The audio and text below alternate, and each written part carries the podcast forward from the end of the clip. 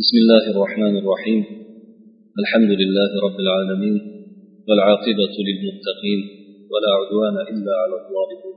وأشهد أن لا إله إلا الله وحده لا شريك له ولي الصالحين. وأشهد أن نبينا وسيدنا محمدا عبده ورسوله الصادق الوعد الأمين. وعلى آله وأصحابه الطاهرين الطيبين. وعلى أزواجه أمهات المؤمنين. ومن تبعهم واقتفى أثرهم بإحسان إلى يوم الدين سبحانك اللهم لا علم لنا إلا ما علمتنا إنك أنت العليم الحكيم اللهم علمنا ما ينفعنا وانفعنا بما علمتنا وزدنا علما وعملا يا رب العالمين آمين محترم برادرlar o'tgan suhbatlarimizda payg'ambar sollallohu alayhi vasallam o'zlarini himoya qilib turgan himoya qilishda jonbozlik ko'rsatgan abu tolibning vafot etib ketganidan so'ng quraysh jamoasidan zodagonlaridan ancha ozorlar ko'rganliklari haqida bu ozorlar turli suratlarda bo'lganligi haqida suhbatlar bo'lib o'tgan edi. Undan keyingi oxirgi suhbatimizda quraysh zodagonlarining payg'ambar sollallohu alayhi vasallamga payg'ambarliklarini inkor qilib turli ojizona o'zlarini fikrlaricha o'zlarini davolaricha ojizona ojiz qiluvchi savollarni so'roqlarni berganliklari va bunga rasululloh sollallohu alayhi vasallam ba'zilariga vahiy orqali javob berganliklari ba'zilariga esa alloh subhanahu va taolo tomonidan ularning so'rashlari faqat sarkashlik va haqqa unamaslik qabilida bo'layotganligi uchun ularga olloh tarafidan oyatlar nozil bo'lib ularni bergan talablariga qilgan talablariga javob qilmasligini bayon etgan bir nechta oyatlarni muallif keltirgan edilar. Ibn ishoqdan naql qilib birgalikda o'sha narsalarni tarjima qilib o'tgan bugun ham muallif o'sha ibn ishoqni quraysh zodagonlarining talablariga qur'oni karimning qanday javob berganliklari haqidagi oyatlarni keltirishga keltirishda davom etadilar. Biz birgalikda sizlar bilan buni o'qib tarjima qilamiz. Keyingi suhbatlarda esa yana payg'ambar sollallohu alayhi vasallamga kelgan ozorlar haqida payg'ambarimiz sollallohu alayhi vasallamga ozor berishda qattiq turgan mushriklarni ba'zi namoyandalari haqida so'zlar bor. Bugun bugungi suhbatimizda muallif ibn ishoqdan keltirgan yerlarida davom etib shunday so'zlari bilan boshlagan yeriga kelib to'xtagan edik o'sha joydan boshlaymiz. Aytadilarki alayhi fi qawlihim خذ لنفسك ما سألوه أن يجعل لك أن يجعل له جنانا وقصورا وكنوزا ويبعث ملكا يصدقه بما يقول. وقالوا ما لهذا الرسول يأكل الطعام ويمشي في الأسواق لولا أنزل عليه ملك فيكون معه نذير. إلى قوله تبارك الذي إن شاء جعل لك خيرا من ذلك. أي من أن تمشي في الأسواق وتلتمس المعاش جنات تجري من تحتها الأنهار الآية الله سبحانه وتعالى payg'ambar sollallohu alayhi vasallamga qurayshning ba'zi zodagonlarining sen o'zingga bular so'ragan narsalarni ya'ni qurayshni ba'zilari so'ragan bog'lar qilib berishini alloh subhanava taoloning qasrlar xazinalarni to'kib tashlashini so'rashgan edi. O'sha so'ragan narsalaridan ba'zilarini o'zingga olib olgin. Shunday narsalarni xudoying senga payg'ambar bo'ladigan bo'lsang jo'natsin degan so'zlariga javoban hamda seni o'zing bilan birga osmondan farishta tushib kelib seni tasdiqlasin degan so'zlariga javoban ushbu oyatlarni nozil qildi furqon surasining yettinchi oyatida to o'ninchi oyatiga qadar to'rt oyatni nozil qildi.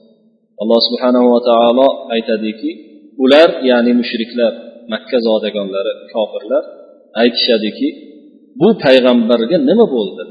Ovqat yeb yuribdi bozorlarda aylanib yuribdi. Ha unga farishta nozil bo'lib osmondan tushirilib o'zi bilan birga ogohlantiruvchi bo'lsa bo'lmasmidi? Deyishdi kofirlar. Deb keyin alloh subhanahu va taolo boshqa oyatlarni aytib o'tadi. Bu yerda muallif e, nozil qiladi. Bu yerda muallif aytmayaptilar.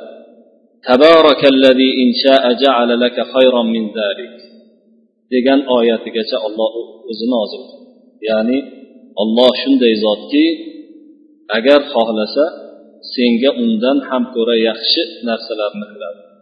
Ya'ni sening bozorlarda yurishing va tirikchilik uchun qimirlab yurishingdan ko'ra ham yaxshiroq bo'lgan narsani alloh subhanahu va taolo qiladigan zot shunday qiladigan zot barakal e, muborak zotdir ulug' zotdir degan oyatigacha olloh nozil qildi buni endi qur'oni karimning o'sha oyatlarini tafsirida batafsil ko'rib qolasiz ya'ni taglaridan anhorlar oqib turadigan bog'lar qilib beradi agar xohlasa degan joylari ham bor وأنزل عليه في ذلك من قولهم وما أرسلنا قبلك من المرسلين إلا إنهم ليأكلون الطعام ويمشون في الأسواق وجعلنا بعضكم لبعض فتنة أتصبرون وكان ربك بصيرا الله سبحانه وتعالى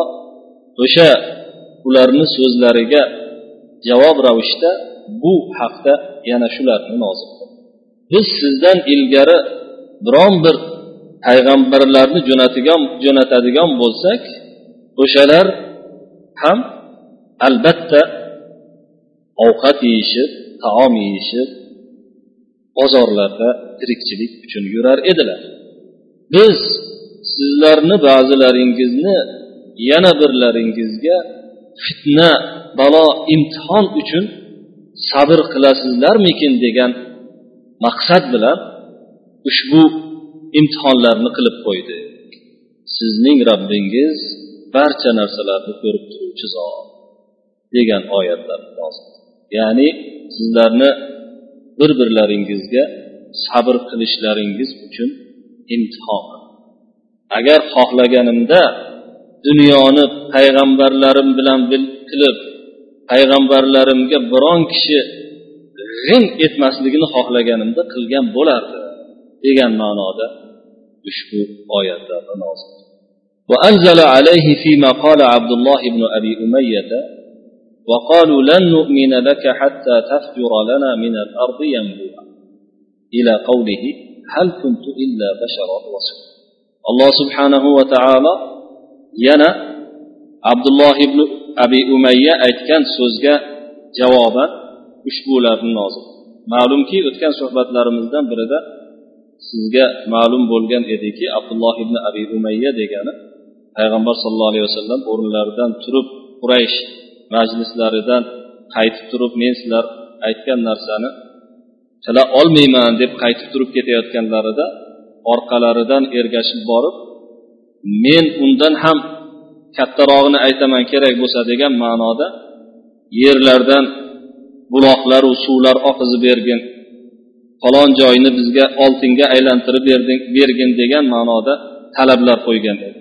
O'shanda ham xohlasam mo'min bo'laman xohlamasam yo'q degan ma'noda tahdid qilib yuborgan edi. Shunga javoban alloh subhanahu va taolo ushbu oyatlarni nozil qildi deydilar muallif ibn ishoqdan naql. Ya'ni ular aytishdiki biz senga mo'min bo'lmaymiz hargiz. To yerni ichidan yerdan bizga buloq ajr buloq e, ot otqizib chiqarib bermaguningcha. Tafjura degani buloqni otiltirib buloqni otilib chiqishiga ishora ravishda shunday e, so'z ishlatilyapti. Bizga yer yerni tagidan buloqni otiltirib chiqarib bermaguningcha sizga hargiz senga musulmon bo'lmaymiz mo'min bo'lmaymiz deyishdi. Yoki buni davomida juda qiziq davolari bor. Bu yerda muallif aytib o'tmayaptilar. Aytishdiki keyin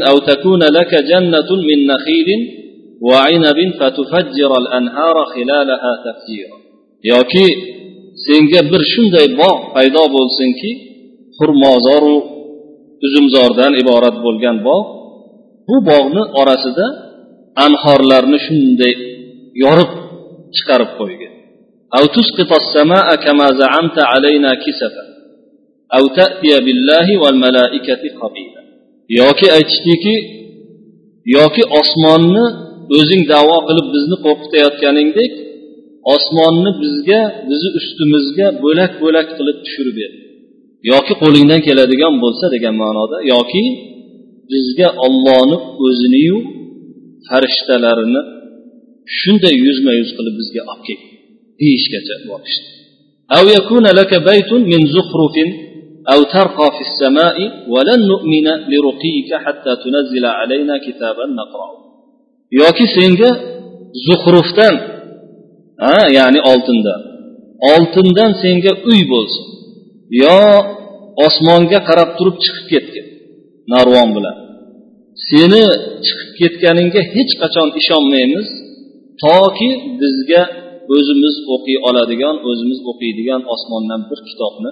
olib tushmaguningcha deyishdi shunda alloh subhanava taolo oxirida oyatni oxirida to'qson uchinchi oyatni oxirida javob qiladiki qul subhana robbi hal kuntu illa basharon siz javob bering ey muhammad sollallohu alayhi va alihi vasallam. Subhanalloh ya'ni robbim pokdir bu taajjub qilingan vaqtda aytiladi.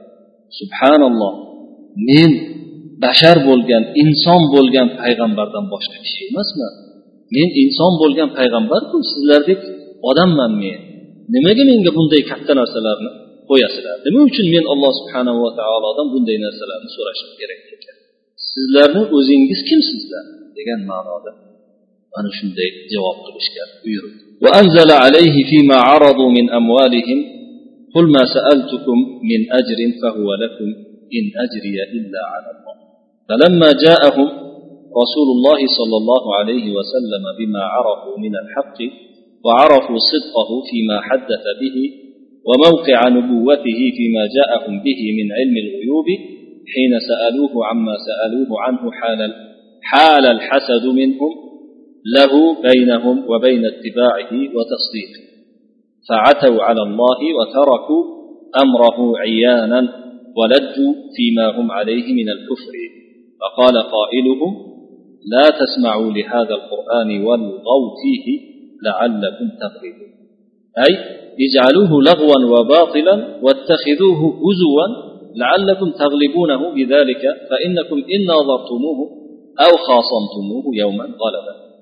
alloh subhanahu va taolo keyin yana o'zlarini molu dunyolarini payg'ambarimiz sollallohu alayhi vasallamga ko'ndalang qilganlariga javoban ushbu oyatni nozil ayting ey muhammad sollallohu alayhi vasallam men sizlardan biron bir ajr so'rayotgan bo'lsam bu ajr sizlarniki.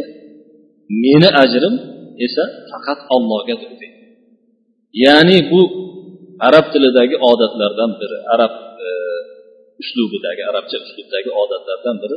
Men o'zi sizlardan hech narsani so'ramayman. Mabodo so'rayotgan bo'lsam o'shalar ham sizniki degan ma'noda aytishadi. Ya'ni bu degani men biron narsani sizlardan so'raganim yo'qku hali degan ma'noda boshqa oyatlarda o'shanday qilib qatl qilib e, qat'iy ravishda aytganlari ham keladi. Ya'ni men sizlardan biron narsani so'ramayman meni ajrim hech kimga emas faqat alloh subhanahu va taolo o'ziga ya'ni ollohdan kutaman ajr. Men qilayotgan narsalarim uchun sizlardan biron narsani umid qilmayman. Menga boshqa narsalarni taklif qilib dunyoda dunyodagi narsalarni menga ko'ndalang qilib o'tirmang deb aytishga buyurildilar payg'ambar sallallohu alayhi vasallam. Umrlari bo'yi rasululloh sollallohu alayhi vasallam payg'ambar bo'lganlaridan boshlab to jonlari halqumlaridan chiqib ketgunga qadar mana shunday ajrni faqat ollohdan kutib o'tdi. Mana shu joyda biz bir ikki og'iz o'zimiz to'xtab o'zimizga olish uchun to'xtab ketgan to'xtab o'tishimiz lozim bo'lgan muhim nuqta borki payg'ambar sollallohu alayhi vasallamni sunnatlariga ergashaman deb shu yo'lda ketaman deb mana shu merosdan men ham ulush olaman deb payg'ambar merosxo'ri bo'laman deb da'vatchi bo'laman deb yurgan barcha kishilar mana shunday niyatlari bo'lishi kerak hamda amaliy ravishda shu narsani o'zlarida tadbiq qilishdi ya'ni odamlarni yaxshilikka da'vat qilayotganda odamlarni zalolatdan qaytarib hidoyatga boshlayotganlarida odamlarni yaxshilikka chorlayotganlarida yomonlikdan qaytarayotganlarida biron narsani xalqdan kishilardan insonlardan umid qilmasliklari kerak.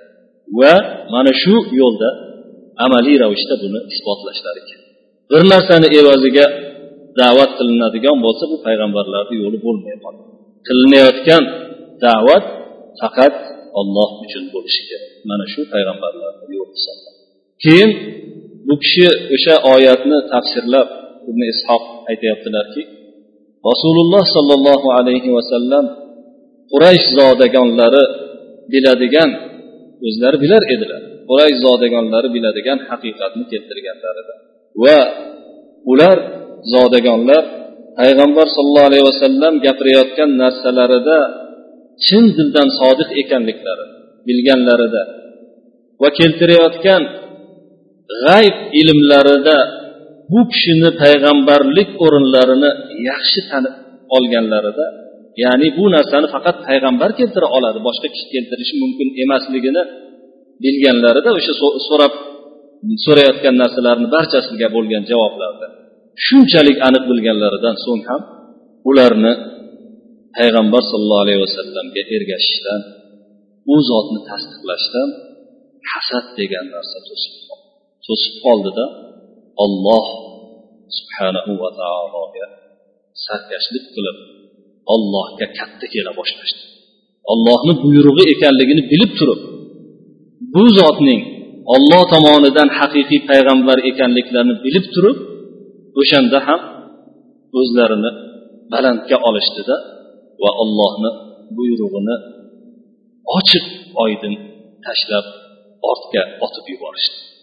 O'zlarining kufri tug'yonlarida nihoyatda qattiq turishib sarkashlik qila boshlashdi. Ulardan bittasi aytdiki o'shanda qur'on buni hikoya qiladi. La tasma'u li qur'on bu qur'onga quloq solmanglar. Fihi. Bunda o'yin qilinglar. Lag'u qilinglar. Shoyat shunda sizlar g'olib bo'lsalar deyishdi. Ya'ni qur'onni behudalik botil qilib o'yin qilib kulgi qilib olinglar. Shoyat shu bilan sizlar g'olib bo'lsanglar. chunki agar haqiqiy munozara qiladigan bo'lsanglar yakkama yakka fikriy olishuvga chiqadigan bo'lsanglar biron marta sizlar g'olib bo'la olmaysizlar balki ular g'olib keladi degan ma'noda mana shunday deyishdi فقال أبو جهل يوما وهو يهزأ برسول الله صلى الله عليه وسلم وما جاء به من الحق يا معشر قريش يزعم محمد أنما جنود الله جنود الله الذين يعذبونكم في النار ويحبسونكم فيها تسعة عشر. وأنتم أكثر الناس عددا وكثرة. أفيعجز كل مئة رجل منكم عن رجل منهم؟ فأنزل الله تعالى في ذلك من قوله وما جعلنا أصحاب النار إلا ملائكة إلى آخر القصة.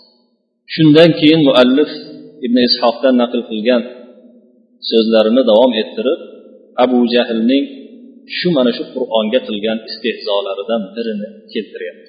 Bir kuni abu jahl rasululloh sollallohu alayhi vasallamni ustidan kular ekan u zot olib kelgan haqiqatni ustidan kular ekan shunday dedi. Ey quraysh jamoasi muhammad davo qilmoqdaki sizlarni do'zaxda azoblaydigan ollohni askarlari va do'zaxda sizlarni hibsda saqlaydigan ollohni askarlari o'n to'qqizta ekanligini davo qilmoqda. O'n to'qqizta ekanmish sizlar esa son va ko'pchilik jihatidan eng ko'p odamsizlar. Ya'ni sonlaring ham ko'p quvvatlaring ham ko'p.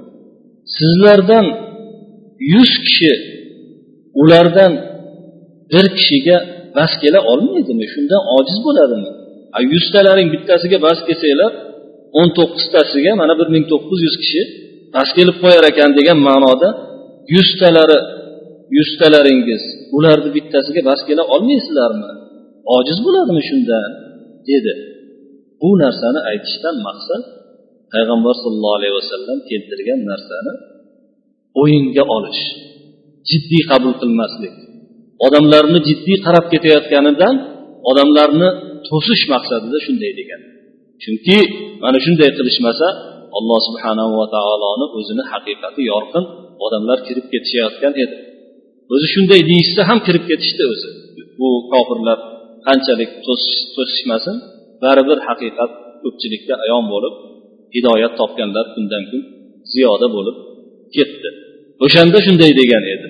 Ana shunda alloh subhanahu va taolo bu to'g'rida ushbu oyatlarni nozil qildi. Biz do'zax egalarini do'zaxga qarab turadiganlarni faqat farishtalar qilganmiz deb qissani oxirigacha aytib o'tdi alloh subhanava taolo deb bu yerda naql qilmaydilar. O'zingiz bilasiz buni. Ya'ni biz do'zax egalarini faqat farishtalar qildik buni sonlarini bilishimiz kishilarni orasida imtihon qilish uchun mo'minlarni iymonlari quvvatlanib boshqalarni kofirlarni shubhalari ortishi uchun degan bu yoqdagi oyatlar keladi. O'sha nimani tafsiridan ko'rib olasizlar inshaalloh. Bu yerda maqsad buni keltirishdan maqsad o'shanday qur'onga ularning ojizona bo'lgan harakatlari istehzo qilish qur'onni o'yin kulguga aylantirish qur'onni jiddiy qabul qilmaslikka bo'lgan bir harakatlarini ko'rsatib o'tish فلما قال ذلك بعضهم لبعض جعلوا إذا جهر رسول الله صلى الله عليه وسلم بالقرآن يتفرقون عنه ويأبون أن يستمعوا له فكان الرجل إذا أراد أن يستمع من رسول الله صلى الله عليه وسلم بعض ما يتلوه من القرآن وهو يصلي استرق السمع دونهم هرقا منه فإن رأى أنهم قد عرفوا أنه يستمع منه ذهب خشية أذاهم فلم يستمع. وإن خفض رسول الله صلى الله عليه وسلم صوته فظن الذي يستمع أنهم لا يسمعون شيئا من قراءته أو سمع هو شيئا دونهم أصاخ له يستمع منه.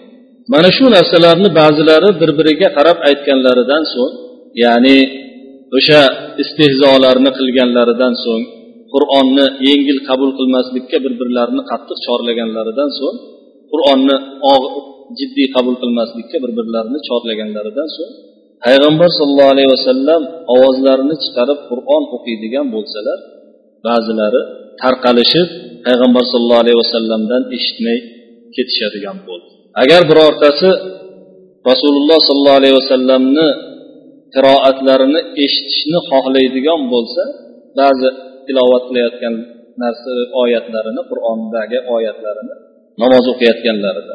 Chunki rasululloh sollallohu alayhi vasallam namoz o'qiyotganlarida oyatlarni o'qir edilar o'sha oyatlarni eshitishar edi atrofdagi kishilar.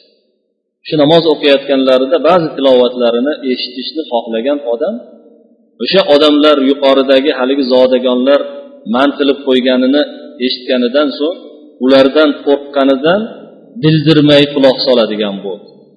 Agar ularni bilib qolganini bular eshitayotganini bu haligi odam keyingi odamlar eshitayotganini zodagonlar bilib qoladiganini biladiganini yoki bilganini ko'rib qoladigan bo'lsa ozor berishidan qo'rqib o'rnidan turib ketadigan bo'ldi eshitmas rasululloh sollallohu alayhi vasallam ovozlarini pasaytirsalar haligi odamlar zodagonlar ko'rmayotganini eshitmayotganligini gumon qilib yaqinlashib keladigan bo'lsa yoki ular yo'q joyda payg'ambarimiz sollallohu alayhi vasallamni uchratib qolib o'qiyotganlarini bilib qoladigan bo'lsa ovozlari pasaytirib turgan bo'lsalar ham ovozlarini pasaytirib turgan bo'lsalar ham qulog'ini tutib eshitishga harakat qiladigan.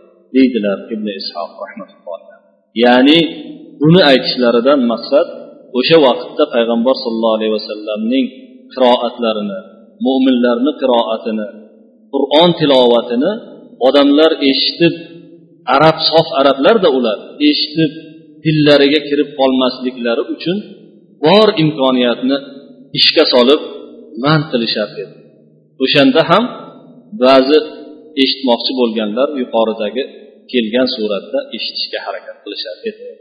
Demoqchi. قال ابن إسحاق وحدثني داود بن الحصين مولى عمرو بن عثمان أن عكرمة مولى بن عباس حدثه أن عبد الله بن عباس حدثهم إنما نزلت هذه الآية ولا تجهر بصلاتك ولا تخافت بها من أجل أولئك يقول لا تجهر بصلاتك فيتفرقوا عنك ولا تخافت بها فلا يسمعها أو فلا يسمعها من يحب أن يسمعها ممن يسترق ذلك دونه فلعله يرعوي إلى بعض ما يسمع فينتفع به انتهى ibn ishoq aytadilarki menga amr ibn usmon degan tobiiyni xodimlari dovud ibn husayin so'zlab berdilar dovud ibn husayin mashhur imomlardan bo'lganlar katta roviylardan hisoblanadi o'sha kishi ikrima payg'ambar abdulloh ibn abbos roziyallohu anhuni xodimlari mavlolari ikrima u kishiga so'zlab bergan ekan. Ikrima esa abdulloh ibn abbos roziyallohu anhudan eshitgan ekan. Abdulloh ibn abbos o'zlarini mavlolari ikrimaga aytib bergan ekanlarki mana shu oyat siz namozingizni qattiq ovozda ham o'qimang. Past ovozda ham o'qimang sabila deb keladi buni davomida. Buni o'rtasida bir yo'l izlang ya'ni buni mana shu ikkita baland ovoz bilan past ovozni o'rtasida o'qing degan oyatni nozil bo'lishi sababi o'sha yuqoridagi kishilar uchun deydilar abdulloh ibn abbos ya'ni siz ovozingizni nihoyatda qattiq baland qilib o'qib yubormangki ular sizdan tarqalib ketib qolishmasin ya'ni qattiq baland ovozda o'qib yuboradigan bo'lsangiz sizni zodagonlar ham eshitib qoladida boya poylab eshitayotganlar ham qo'rqqanlaridan qochib ketishadi. Buni past qilib ham o'qib yubormang eshit o'sha poylab eshitayotganlardan eshitmoqchi bo'lish eshitmoqchi bo'lganlar eshitolmay qolmasliklari uchun. Shoyat o'shanaqa yashirinib eshitib yurganlar ba'zi eshitayotgan narsalariga narsalari sababli yo'lga tushib manfaat olib qolsa ajab emas deb tafsir qiladilar abdulloh ibn abbos roziyallohu anhu. Qultu endi muallif o'zlarini bu ibn ishoqni uzun hikoyalarini tafsirlarini va boshqa naqllarini keltirganlaridan keyin o'zlari bu yerdan qo'shimcha qo'shyapti aytyaptilarki qultu وقد روى البخاري في صحيحه عن سعيد بن جبير عن ابن عباس رضي الله عنهما في قوله ولا تجهر بصلاتك الآية قال نزلت ورسول الله صلى الله عليه وسلم مختف بمكة كان إذا صلى بأصحابه رفع صوته بالقرآن فإذا سمع المشركون سبوا القرآن ومن أنزله ومن جاء به فقال الله عز وجل ولا تجهر بصلاتك أي بقراءتك فيسمع المشركون فيسبوا القرآن ولا تخافت بها عن أصحابك فلا تسمعهم فلا تسمعهم وابتغ بين ذلك سبيلا. زاد مسلم في روايته وابتغ بين ذلك سبيلا يقول بين الجهر والمخافة. مؤلف aytadilarki men aytamanki ya'ni bundan buyog'i men bu so'zlarim bu meniki ibn ishoqni gaplariga qo'shimcha demoqchi imom buxoriyni rivoyatlarida o'zlarini sahihlarida kelgan rivoyatda said ibn jubayrdan tobein mashhur tobein. Said ibn jubayr esa o'zlarini ustozlari abdulloh ibn abbosdan ayni o'sha oyatni tafsirida kelgan rivoyatda ibn abbos roziyallohu anhu shunday deydi. Bu oyat rasululloh sollallohu alayhi vasallam makkada yashirinib yurganliklarida paytlarida nozil.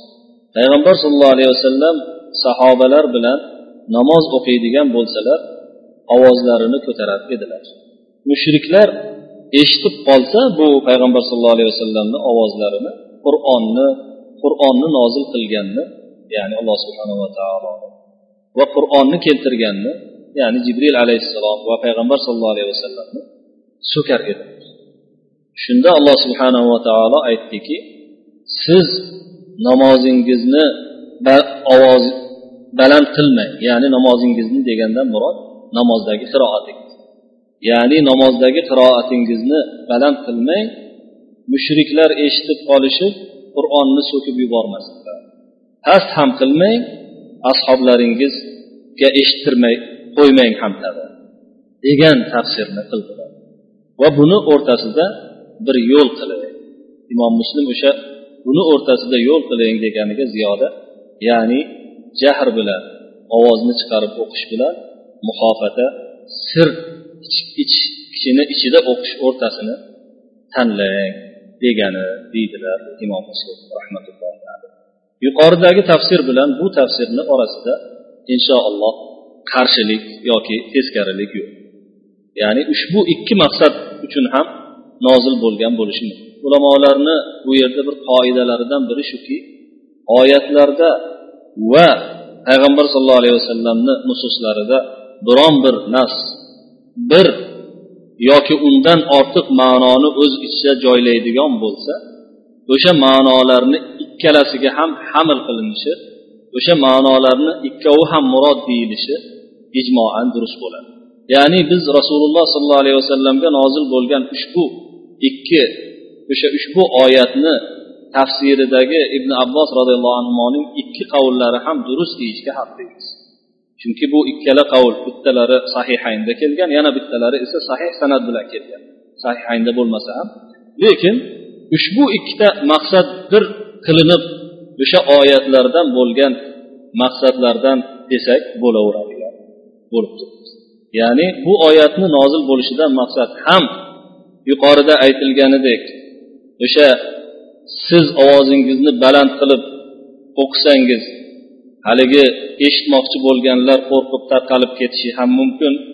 Undan ko'ra pastroq qilib o'qing. Juda past qilib o'qib yuborsangiz eshitmay qolishi mumkin degan ham ma'no chiqadi.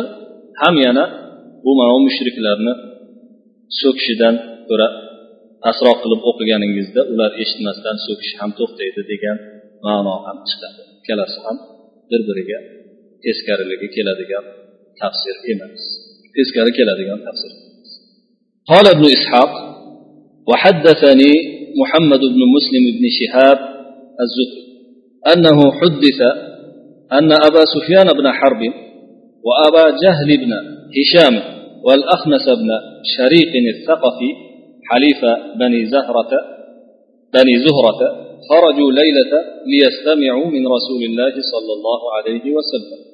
وهو يصلي من الليل في بيته. فأخذ كل رجل منهم مجلسا يستمع فيه وكل لا يعلم بمكان صاحبه. فباتوا يستمعون له حتى إذا طلع الفجر تفرقوا فجمعهم الطريق فتلاوموا وقال بعضهم لبعض لا تعودوا فلو رآكم بعض سفهائكم لأوقعتم في قلبه شيئا. ابن إسحاق رحمة الله عليه أنا شنديدي menga imom muhammad ibn muslim ibn shihob az zuhriy aytib berdilar. Imom zuhriy ta'rifga hojat bo'lmagan imom yuqorida ba'zi suhbatlarimizda buni bu kishini nimalarini aytib o'tgan edi ya'ni tobeinlarning eng mashhur imomlaridan biri hisoblanadilar o'sha kishiga aytib berilganki mana shu yerda endi isnod uzilib qolyapti san'at uzilib qolyapti. Ya'ni u kishiga aytib bergan kishi noma'lum bo'lib qolyapti ibn shihob ya'ni bir yuz yigirma to'rtinchi hijriyda vafot qilgan ibn shihob zuhriy o'sha abu sufyon ibn harb abu jahl ibn hishom o'sha makka davridagi voqeani bir kishining hikoya qilib berganligini aytyapti. Aytganlarida ham menga hikoya qilindi deb aytib beryapti. U hadisiy jihatdan olib qolgan qaralganda zaif san'at hisoblanadi. Lekin biz yuqorida necha bor takrorlaganimizdek agar o'sha hikoyani ichida hikoyani ichida qur'oni sunnatga teskari keladigan qur'oni sunnat usullariga to'g'ri kelmaydigan narsa bo'lmaydigan bo'lsa umumiy hikoyadan iborat gap bo'ladigan bo'lsa buni tarixiy suratlarda tarixiy hollarda siyratlarda qabul qilish joiz qabul qilsa bo'laveradi bunday hikoyalar bunday isnodi sanadi munqati bo'lgan sanadi uzilgan hikoyalarni qabul qilish. Ibn shihob aytadilarki menga aytib berildiki abu sufyon ibn harb abu jahl ibn hishom ahnas ibn sharif bu banu zuhrani ittifoqdosh kishilaridan biri bo'ladi. Ularni hammasi zodagonlar qavmni kattalari. Abu sufyon ibn harb qurayshni eng kattasi. Abu jahl ibn hishom ham mahzumiylarni eng katta odamlari. Ahnas ibn sharif ham bani banu saqif qabilasini eng katta odamlaridan shular bir kuni rasululloh sollallohu alayhi vasallamda namoz o'qiyotganlarida kechasi uylarida namoz o'qiyotganlarida eshitish uchun tashqariga chiqishdi. Har birlari o'zlari bir joyni tanlab eshitib o'tirishdi. Lekin bularni har biri ikkinchisining joyini bilmas edi borligini ham bilmas edi. Kechasi bilan eshitib chiqishdi. Tong otganida esa tarqalishdi. Shunda yo'l ularni to'plab qo'ydi. Yo'lda to'planib qoldilar. To'planib qoldilarda bir birlariga malomat toshini otib aytdilarki ikkinchi bunday narsa qilmaylik qilmanglar. Ba'zi aqlsizlaring betamizlaring ko'rib qoladigan bo'lsa uni qalbiga yomon narsani tashlab qo'yasizlar. Ya'ni sizlar bu eshitishlaring bilan qur'onga iymon keltirish keltirmasliklaring muhammadga ergashmasliklaring mumkin o'zlaring bilib turganliklaring uchun endi ota bobolaringni qavmlariga qattiqsizlar lekin betamizlaring deb atashyapti endi ular haligi oddiy soddaroq kishilar bo'ladigan bo'lsa ular sizlarni qiliqlaringni ko'rib iymon keltirib yuborishi mumkin qalbiga biror narsa kirgizib yuborishlari mumkin deyishdi ثم انصرفوا حتى إذا كانت الليلة الثانية عاد كل رجل منهم إلى مجلسه فباتوا يستمعون له حتى إذا طلع الفجر تفرقوا فجمعهم الطريق فقال بعضهم لبعض مثل ما قالوا أول مرة ثم انصرفوا keyin jo'nab ketishdi ikkinchi kecha bo'lganida bir birlariga malomat qilib ikkinchi bunaqa qilmaylik degan odamlar har biri yana o'sha joylariga qaytishdi yana eshitib chiqishdi kechasi bilan tong otgan vaqtda tashqariga chiqib o'sha o'zlarini turgan joylaridan tarqalishib jo'nashgan edi yana yo'lda birga bo'lib yuqoridagi so'zlar bilan bir birlarini malomat qilishib yana tarqalishdi. حتى إذا كانت الليلة الثالثة أخذ كل رجل منهم مجلسه فباتوا يستمعون له حتى إذا طلع الفجر تفرقوا فجمعهم الطريق فقال بعضهم لبعض لا نبرح حتى نتعاهد لا نعود ثم تعاهدوا على ذلك ثم تفرقوا uchinchi kun bo'lganda uchinchi kun har biri yana shu yuqoridagi qilib qilishdi kechasi bilan eshitib tong otganda tarqalishib yana yo'lda birga bo'lib qolgandan keyin bir birlariga aytishdiki endi qaytmaslikka ahd qilmagunimizcha endi tarqamaymiz. Hozir endi ikkinchi qilmaslikka ahdnoma beraylik bir birimizga deyishib bir birlariga ahd qilishib va'da berishib keyin tarqalishdi. فلما أصبح الأخنس بن شريك أخذ عصاه ثم خرج حتى أتى أبا سفيان في بيته فقال أخبرني يا أبا حنظلة عن رأيك فيما سمعت من محمد tong otgandan keyin ertaman bo'lgandan keyin ahnas ibn sharik o'zini hassasini oldida yoshi hammalari hammalari yoshi katta odamlar hassasini oldida keyin chiqib abu sufyonni uyiga keldi abu sufyonni oldiga uyiga keldi keldida ey abu hanzala abu sufyonni kunyasi shunaqa edi ey abu hanzala menga muhammaddan eshitgan narsang to'g'risidagi fikringni ayt xabar فقال يا أبا ثعلبة والله لقد سمعت أشياء أعرفها وأعرف ما يراد منها وسمعت أشياء ما عرفت معناها ولا ما يراد بها. قال والأخ قال الأخنس وأنا والذي حلفت به والذي حلفت به. abu sufyon ahnas ibn sharifga javob berdi. Ey abu salaba allohga qasamki men shunday narsalarni eshitdimki ba'zilarini bilaman. Undan nima murod bo'layotganini nima maqsadda aytilayotganini ham bilaman. Yana yana shunday narsalarni eshitdimki ma'nosini ham bilmadim maqsad nima ekanligini ham bilmadim bundan dedi. Shunda ahmas ibn sharif men ham xuddi shunday sen qasam ichgan zotga qasam ichib aytaman men ham xuddi shu fikrdaman ثم خرج من عنده حتى أتى أبا جهل فدخل عليه بيته فقال يا أبا الحكم ما رأيك فيما سمعت من محمد؟ قال وماذا سمعت؟ تنازعنا نحن وبنو عبد مناف الشرف أطعموا فأطعمنا وحملوا فحملنا وأعطوا فأعطينا حتى إذا تحاذينا على الركب.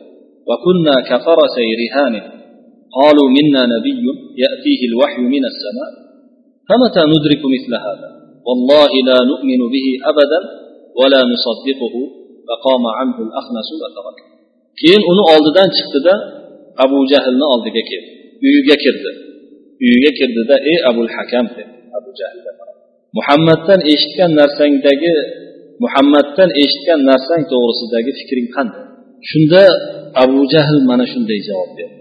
Nima eshitibman? Biz bilan ya'ni banu mahzum qabilasini nazarda tutyapti biz bilan abdumanof qabilasi banu abdumanof ya'ni rasululloh sollallohu alayhi vasallam qabilalari sharafni tortishib kelganmiz. Shon sharafimiz kimniki ulug' bo'larkin deb tortishganmiz ilgaridan. Ular odamlarga ovqat oziq ovqat tarqatishdi biz ham oziq ovqat ovqat yedirdik. Odamlarni kiyintirishdi. Odamlarga ot ulov olib berishdi.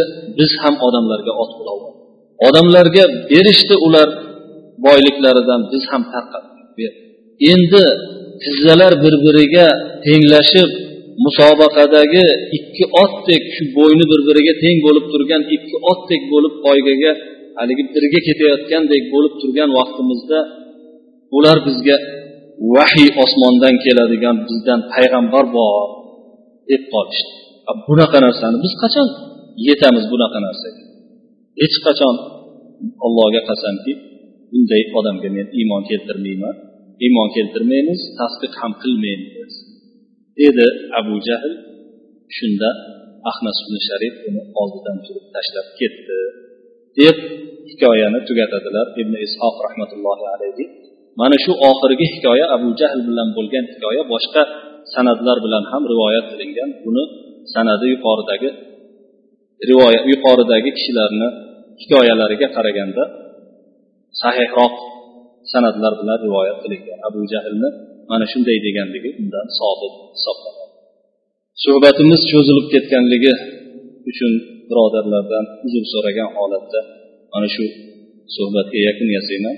Chunki yangi mavzu boshlanib qoldi. Shu mavzuga yetguncha to'xtamaslikka harakat qildim. Keyingi suhbatlarda uchrashgunga qadar alloh subhanahu va taoloni hefzi himoyasiga topshirganda topshirgancha barchangiz bilan xayrlashaman va baraka ala nabiyina muhammad va